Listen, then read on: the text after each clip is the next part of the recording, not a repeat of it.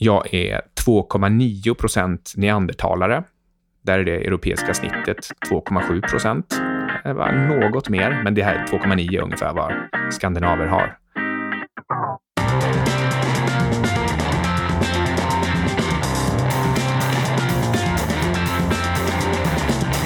Du lyssnar på 25 minuter, en konversation om personlig utveckling.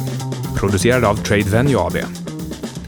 Vi har ett syfte i det här programmet och det är att ge verktyg och inspiration till förbättring. Jag heter Carl Mikael Syding. Med mig har jag alltid Ludvig Sundström. Avsnittet sponsras av Investerar-SM, en tävling som arrangeras av den svenska börsen Nordic Growth Market, NGM. Ludvig, har du provat på fågelskådning? Nej, det har jag inte. Jag vet inte om det... Nej, det har jag inte.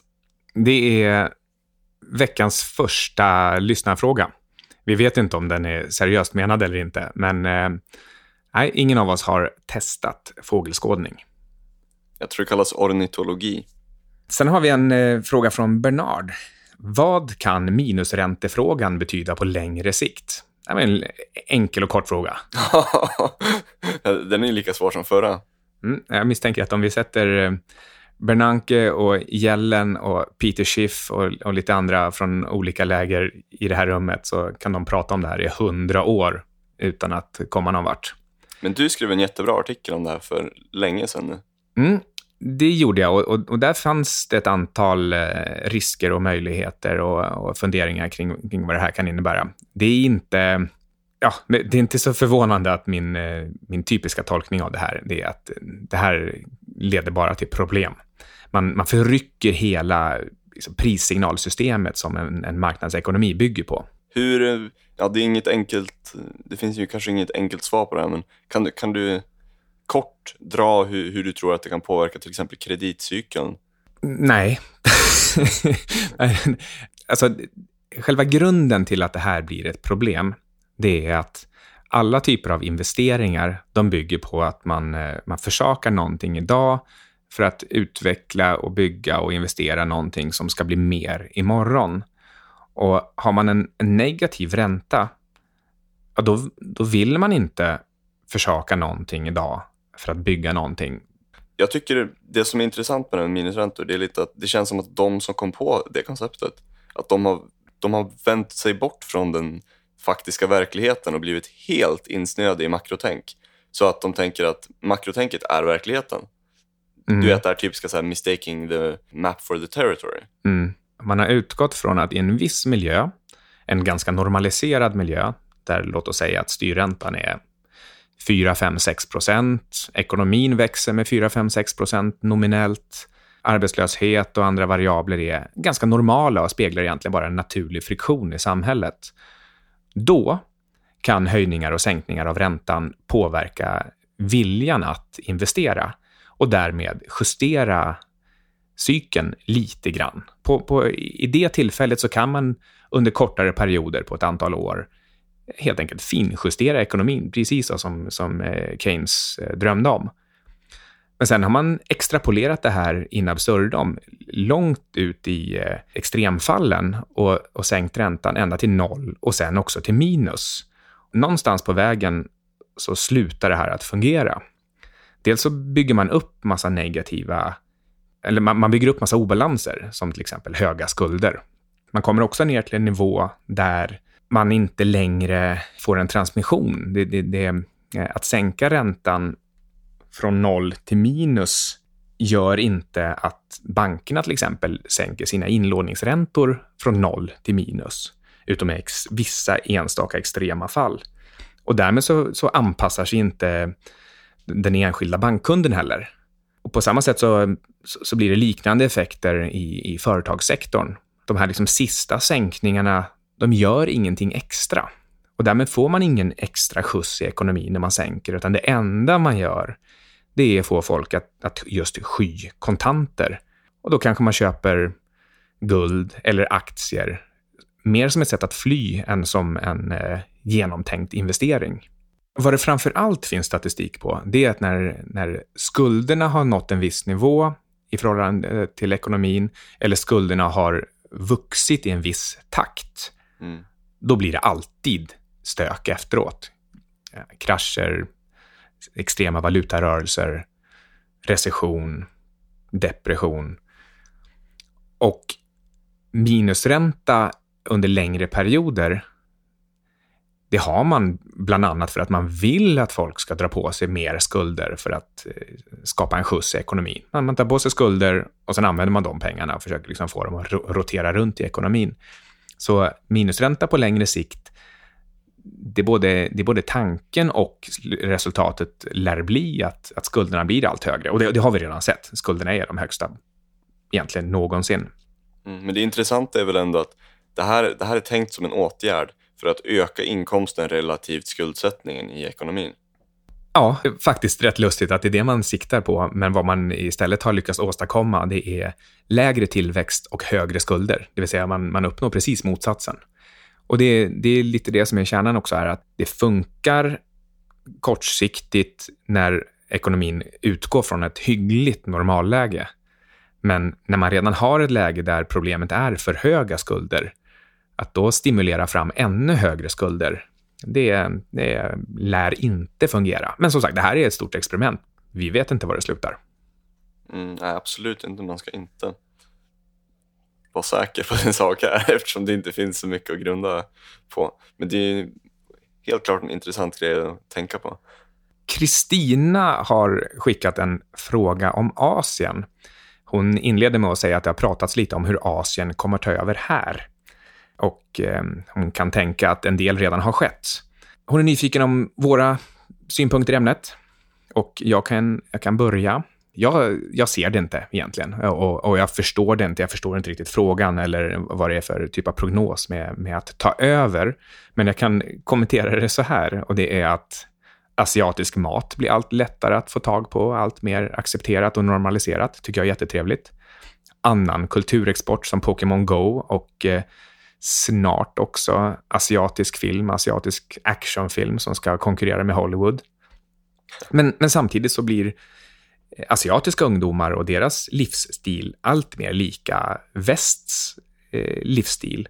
Så jag ser bara egentligen att det här är en, det är en allmän globalisering och det är liksom knappast att man ska föreställa sig att det kommer asiater hit och jag vet inte, vad då, vad då tar över? Tar över våra företag eller? Ja, det, är, det är ju kanske en, en mer intressant grej för att de har så himla enkla och små anställningsformer där jämfört med här i västvärlden. Här, det är ju skitsvårt för en entreprenör att anställa folk, särskilt ett, ett litet företag. Du måste betala jättemycket grejer. Medan där i Asien, det är väldigt lite sådana där legaliteter och så vidare, vilket gör att de kan, ja, de, de kan ju göra företag och starta grejer mycket snabbare och på en större skala. Sen, sen finns det diverse olika mer eller mindre etiska och oetiska grejer. Men ur kapitalistisk synpunkt så är det ju en extrem fördel för dem. Medan vi har en massa folk som känner sig folk som lönetagare som känner sig väldigt, de känner att de ska ha en hög lön automatiskt och så vidare. Men, men med tar över, då kanske man menar att eh, Google tappar marknad eh, eller att eh, deras eh, General Electric tar över från, från vårt General Electric. Ja, eller att Alibaba spöar Amazon. Ja, om de nu gör det, vad märker vi av det egentligen? Alltså, jag, jag har lite svårt att, att, att, se att, eh, att de har en bestående konkurrensfördel som gör att deras företag växer snabbare och eh, tar över. Mm, samtidigt importerar de extremt mycket västerländsk kultur och produkter och så vidare. Mm, precis, det är det jag menar. Att det, det blir bara en korsbefruktning. Men eh, Ludvig, du har ju rest runt en hel del i Asien. Du, du, bo, du har bott i Thailand ett halvår, nästan mer va? Ja, typ. Och sen varit en, en lång stund i Japan här på slutet och Indonesien också. Ja, diverse länder där. Vad har du snappat upp? Ganska mycket, men Japan är mest intressant tycker jag, för det, det är mitt favoritland av de här länderna. Lite dyrt, men det är det intressantaste, mitt favoritland av de här. Mm, eh, jag gillar också, jag var ju i, i, i Tokyo med, med Börspodden-killarna. Tyckte det var eh, riktigt kul. Mm, ja, det, är, det är ett trevligt land att vara i. Det är väldigt roligt att bara gå runt och upptäcka saker. Och det är mycket fint, mycket skönhet i landet. Ja, det, var, det, var, det var ungefär det jag fick med mig. Men du har snappat upp kanske lite mer eh, saker under ytan. Alltså, en sån där sak till att börja med. Du minns när vi gjorde den här intervjun med Edmund för länge sedan? Så mm. frågade jag honom, jag kommer inte ihåg vad frågan var, men det var någonting så om, om du kan ge några tips till folk som är nya i Asien eller vill göra affärer eller bo där. Och då sa han att eh, ja, en, en sån här viktig grej med asiater är att de är överdrivet eh, artiga ofta. Och det kan komma på bekostnaden att de lurar en. Och det, det stämmer verkligen tycker jag. Att eh, man kan fråga folk saker och de kan, de kan verkligen så här lura dig direkt upp i ansiktet. Att, ja, men det, det är så det är, det är så det är. För att de vågar inte säga att de inte vet. Mm. Så man ska verkligen tänka efter när man frågar folk på gatan där. Ja, det kan ju vara en så enkel sak som att man frågar om vägen. Och, och så blir man lurad åt motsatt håll. Ja, exakt. men med en väldigt fin vägbeskrivning. Ja, det hände mig. Eh, min, min slutsats av det var i alla fall trust but verify. man får ju kolla upp i slutändan när jag tänkande själv, även om man frågar andra områden.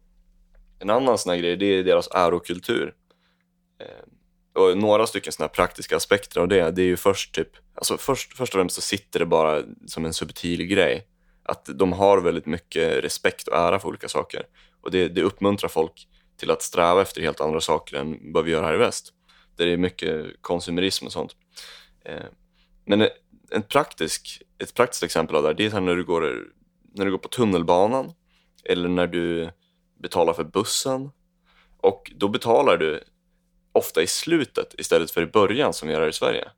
Måste tänka efter, åkte inte jag någon lokaltrafik i Tokyo? Nej, det gjorde... Jo, men jag åkte i tunnelbana. Där betalar man inte före i tunnelbanan.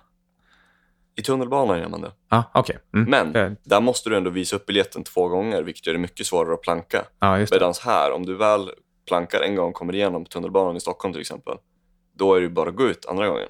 Mm. Medan där måste du visa två gånger. Så det är mm. svårare att uh, planka och när du gör det så är det mycket enklare att bli, att bli tagen när du gör det. Och det är mycket mer pinsamt. Och de, de ja, det, det funkar ju oerhört bra där, för det sista man vill i Japan är att bli utskämd.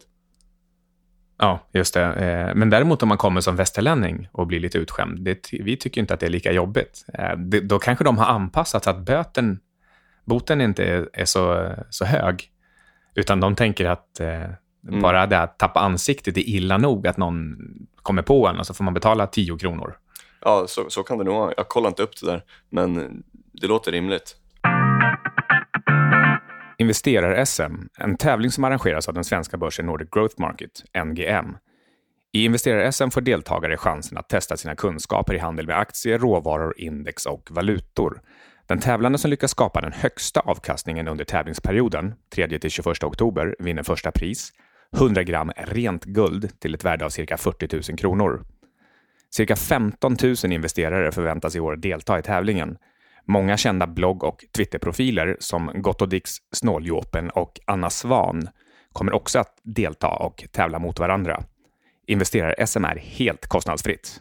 Anmäl dig idag på www www.investerar-sm.com. Vi, vi har en till fråga här, vilket är skillnaden mellan commonplacing och att föra en dagbok? Ludvig, du, du ska få svara alldeles strax, för du har säkert ett mycket mer komplicerat svar. Som jag ser det så, så kan man egentligen fläta samman de här om man vill, men man kan också se det som att common placing, där skriver man ner mer viktiga insikter och idéer i, eh, sorterade efter, efter ämnen och olika typer av taggar. Medan en dagbok snarare är dagens tankar i mer eh, kanske kronologisk ordning. Men det är klart att skulle jag föra dagbok på det sättet, till exempel över vad jag har lärt mig idag eller eh, vad jag har varit med om eller någonting sånt, så skulle jag fortfarande systematisera den och, och tagga den så att det går att hitta saker annat att, än att det bara är i ordning.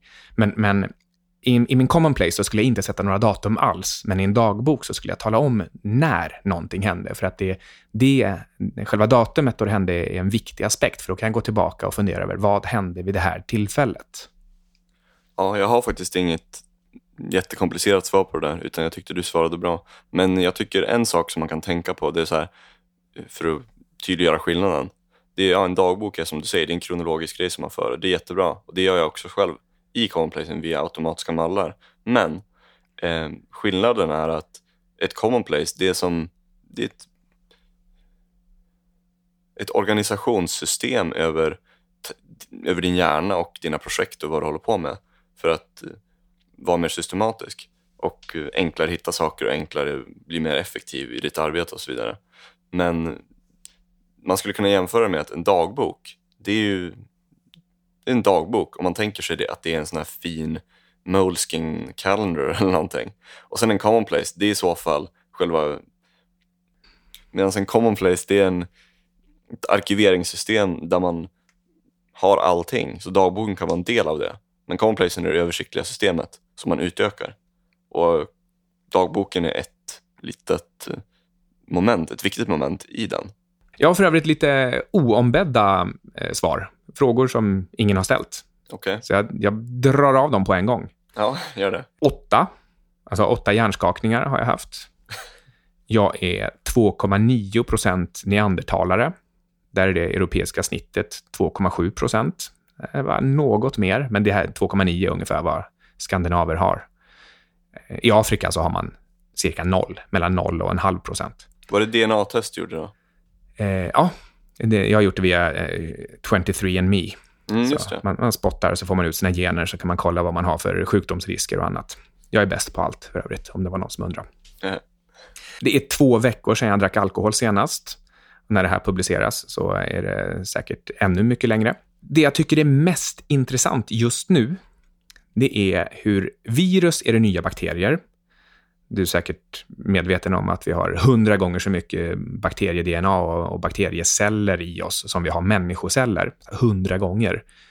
Och sen har vi antagligen hundra gånger så mycket virus som vi har bakterier. Så vi är egentligen inte människor alls, utan vi är framförallt virus och så lite bakterier. ja, den här identitetsgrejen blir lite intressant när man ser det från det perspektivet. Vad är jag egentligen? Och bland mina absolut viktigaste grejer som jag tittar på så är det blockchain-teknologi. Att hitta sitt absoluta prio ett. Och sen gillar jag också olika typer av veganmat, alltså med odlat kött. Mm, Olika sätt att eh, i princip skapa riktigt goda hamburgare som aldrig har haft någon mamma eller pappa. Ja, jag förstår. Har du någonting du vill eh, avsluta det här avsnittet med? Jag vill ta en till fråga från en kille jag känner faktiskt. Jakob R. Och han frågar, vad är ert resonemang kring hur man hittar inom citationstecken rätt huvudsyssla i livet? Ni har pratat om att satsa på sina styrkor och sånt. Hur kan man göra för att undvika att så att säga slösa tid på sånt som man inte vill göra? Finns det något sätt att göra det? Oj, det där var svårt. Jag undrar om jag verkligen är rätt person att svara på det här. För jag sysslade med finans i 20-25 år, fast det uppenbarligen inte var rätt syssla för mig. Ja, det där, är ju, det där får mig att tänka på det här som du brukar säga, att snubbla in på rätt sa- sak. Det är väl det som är, det tycker jag är en intressant grej där, för att många personer som så att säga hittar rätt tidigt i livet och gör någonting som de verkligen gillar med. Många har tur helt enkelt att hitta rätt sak tidigt, men sen samtidigt så många andra som hittar rätt tidigt, de är väl kanske, har väl kanske lite mer existen, existentiell ångest och tvingas kämpa med det och, och verkligen testa mycket saker tidigt. Medan många andra tar det lugnt och kanske ser på TV och ja, tänker sig ja, men det, det, det kommer fixa sig. Jag tror bara det att vara lite metakognitivt lagd som han verkar vara, det är, en, det är en bra början. Att överhuvudtaget fundera över det här. Men sen blir det mycket hur långt det är ett snöre-fråga. Det vill säga, ska man bita ihop och jobba sig igenom ett par år inom olika gebit? Eller ska man vara mer av en hoppjerka och, och ge upp efter några veckor, en månad, några månader så fort man känner att Nej, men det här var nog inte riktigt rätt? Det, det, svaret ligger någonstans mitt emellan som alltid, men eh, det vill säga hur långt är ett snöre? Men jag tror inte man kommer så mycket längre än så. Att tänk efter, var uppmärksam och ifrågasätt dina val. Men ge dem åtminstone chansen. Du måste över den här första lilla tröskeln i, eh, i disciplin ändå. Att inte bara ge upp så fort det känns lite trögt, utan se till att, att i alla fall ta dig över ett eller två hinder i, i det spår du väljer först. Men, sen, eh, men jag tror inte att du ska vara mer än två år i någonting som, eh, som känns själaförstörande. Det där, det där var ett bra praktiskt tips. Men jag kommer att tänka på två stycken lite mer filosofiska grejer. Och först och främst, Att tänk om man utgår från, tänk om nästan alla utgår från fel förutfattade meningar. Att de, an, de, de utgår från att någonting är rätt eller att det finns någon grej som man automatiskt är passionerad för. Det är så många som utgår från att ah, men det kommer gå bra för mig när jag hittar det där. Det är lite magic pill-tänk. Tänk om det inte finns något. Utan tänk om det snarare är en, för, om det har att göra med att lägga ner mycket tid och bli bra på någonting och sen gillar man det. Så att det, det går i orsak och verkan-processen är åt det motsatta hållet. Det är inte att man börjar hitta någonting och sen gillar det och man bara snubblar in på det. Utan det är att man börjar jobba med någonting och det går bra och man blir duktig på det. Sen gillar man det mer och man gräver ner sig i området och så vidare. Och sen kanske man faktiskt inte ska bli bra på någonting. Det är inte superviktigt att bli rik eller framgångsrik eller mäktig. Det viktiga är att vara lycklig och njuta av resan. Så hellre jobba med någonting, utvecklas inom någonting där, där du faktiskt njuter av det du gör och av att vinna över de här småbossarna på vägen. Att du, att du, har, du ska ha kul åtminstone varje månad. Annars, annars blir det bara outhärdligt. Och vad ska du med den där rikedomen till i slutändan om du inte hade kul på vägen? Du kan definitivt inte köpa någon rikedom eller någon, någon lycka i efterhand. Förresten, det här med två år. Jag frågade Grant Anderson som skrev boken eh, Cityboy om eh, hur han bestämde sig för att sluta och istället bli författare. Och, och för att jag funderade på att sluta i finansbranschen själv. Ja, vad sa han? När du känner, om du tittar två år framåt, att du, du kan absolut inte föreställa dig att vara kvar två år till, du kräks vid tanken, då ska du sluta samma dag. Jag kom att tänka på en till sak där, det här med att folk kanske har fel förutfattade meningar. Alltså de tänker att det finns någon grej, precis som den här myten om att the one inom kärleken. Liksom. Eh, och det, det, här är egentligen bara en, en, annan variant av the one fast det är ett jobb eller ett arbete. Medan det kan se annorlunda ut, det är en mycket psykologisk process. Men eh, sen kanske det inte finns någonting som är rätt hela tiden. Det kan finnas, alltså man ändras. Det, kroppen ändras. Vi, våra hjärnor ändras hela tiden. Bara för att någonting är så att säga rätt en viss period av livet så kanske det inte behöver vara rätt senare. Det kanske snarare är så att det är en väldigt liten minoritet av befolkningen som dels kommer in på vad de gillar tidigt i livet och sen också att de kan bibehålla intresset hela livet på den här grejen. Typ Warren Buffett till exempel. Och inte tröttna under vägen eller bry sig om någonting mer. Utan att intresset håller sig lika starkt hela tiden. Det är ganska ovanligt med sådana personer tror jag. Och jag vet inte om vi är genetiskt anpassade för det heller. Det, det tycker jag var riktigt bra sagt. Jag har eh, svårt för det här med att ha för stora mål mål som är 20, 30, 40 år framåt i tiden, som till exempel jag ska bli rik eller jag ska vinna Nobelpriset. För när du väl kommer dit, då är du en helt annan person i normala fall. Och kanske inte alls uppskattar det där. Mycket, mycket bättre att sikta på småbossar på vägen. Mm. Det är också intressant om man, om man skulle göra en sån här grej, typ tidigt i livet sätta målet att ta Nobelpriset eller någonting och så fortsätter man med det och bara tvingar själv till det och så lyckas man också. Sen i efterhand, då, visst det är en grym sak, det säger jag inte emot, men då, då är nog tendensen väldigt stor att man sen rationaliserar att det var rätt beslut, mm. även efter. Ja, jag tror att de, eh, de allra flesta, nu spekulerar jag, de allra flesta Nobelpristagare, de har inte alls drivits av Nobelpriset överhuvudtaget. Det är jättekul för dem, tycker de, när de, när de får erkännandet. Det är verkligen så att ja, någon annan gillar också det jag gjorde och det var tydligen till nytta för mänskligheten. Men, men det som gav dem glädje under hela deras karriär, det var att, var att forska och ta fram saker för sin egen skull. Och en sista sak här, det är att på tal om det här med att vissa personer trillar in tidigt på rätt spår tidigt i livet och sen fortsätter med det väldigt länge. Det är att om vi ponerar att en person har någonting som är rätt för den. Det är ju väldigt enkelt att väldigt enkelt för de personerna som har någonting väldigt vardagligt som genetisk talang. Till exempel folk som är väldigt snabba på att springa eller sparka på en boll som Zlatan. Eller typ eh, såna här andra atleter. Det det är någonting som är enkelt och väldigt troligt att man snubblar in på. För att det är någonting man utsätts för att göra.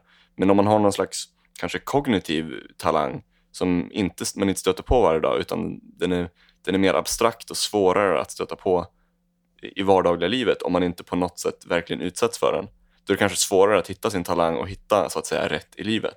Ja, och hur ska du veta om den här kognitiva talangen lämpar sig för programmering eller daytrading eller investering eller att vara advokat eller marknadsförare? det, det går inte att säga i, i förväg. Utan du får testa helt enkelt och se om du, om du gillar det och om folk verkar uppskatta det du skapar. Ja, sammanfattningsvis så blev det här jävligt komplext och filosofiskt, men jag, tror, jag tror ändå det, det visar på att det här är ingen enkel fråga och det finns inget enkelt svar. Testa. Genji Gambashi. Lita inte på någon, kolla själv. Du har lyssnat på 25 minuters avsnitt nummer 50. Det kommer eh, bli fler sådana här frågeavsnitt. Men eh, just nu så är det här slut. Det är jag, Carl Mikael Syding och eh, Ludvig Sundström som pratar. Och programmet producerades som vanligt av tradevenue.se och klipps av Johan Olsson. Du ser ut att vara sugen på att säga någonting, Ludvig? Nej, det är jag inte. Jag är bara lite nöjd. Ja, okej. Okay. Eh, bra. Ludvig är nöjd. Hoppas du också är det. Hej då. Vi tackar särskilt NGM för att de vill medverka till att producera 25 minuter.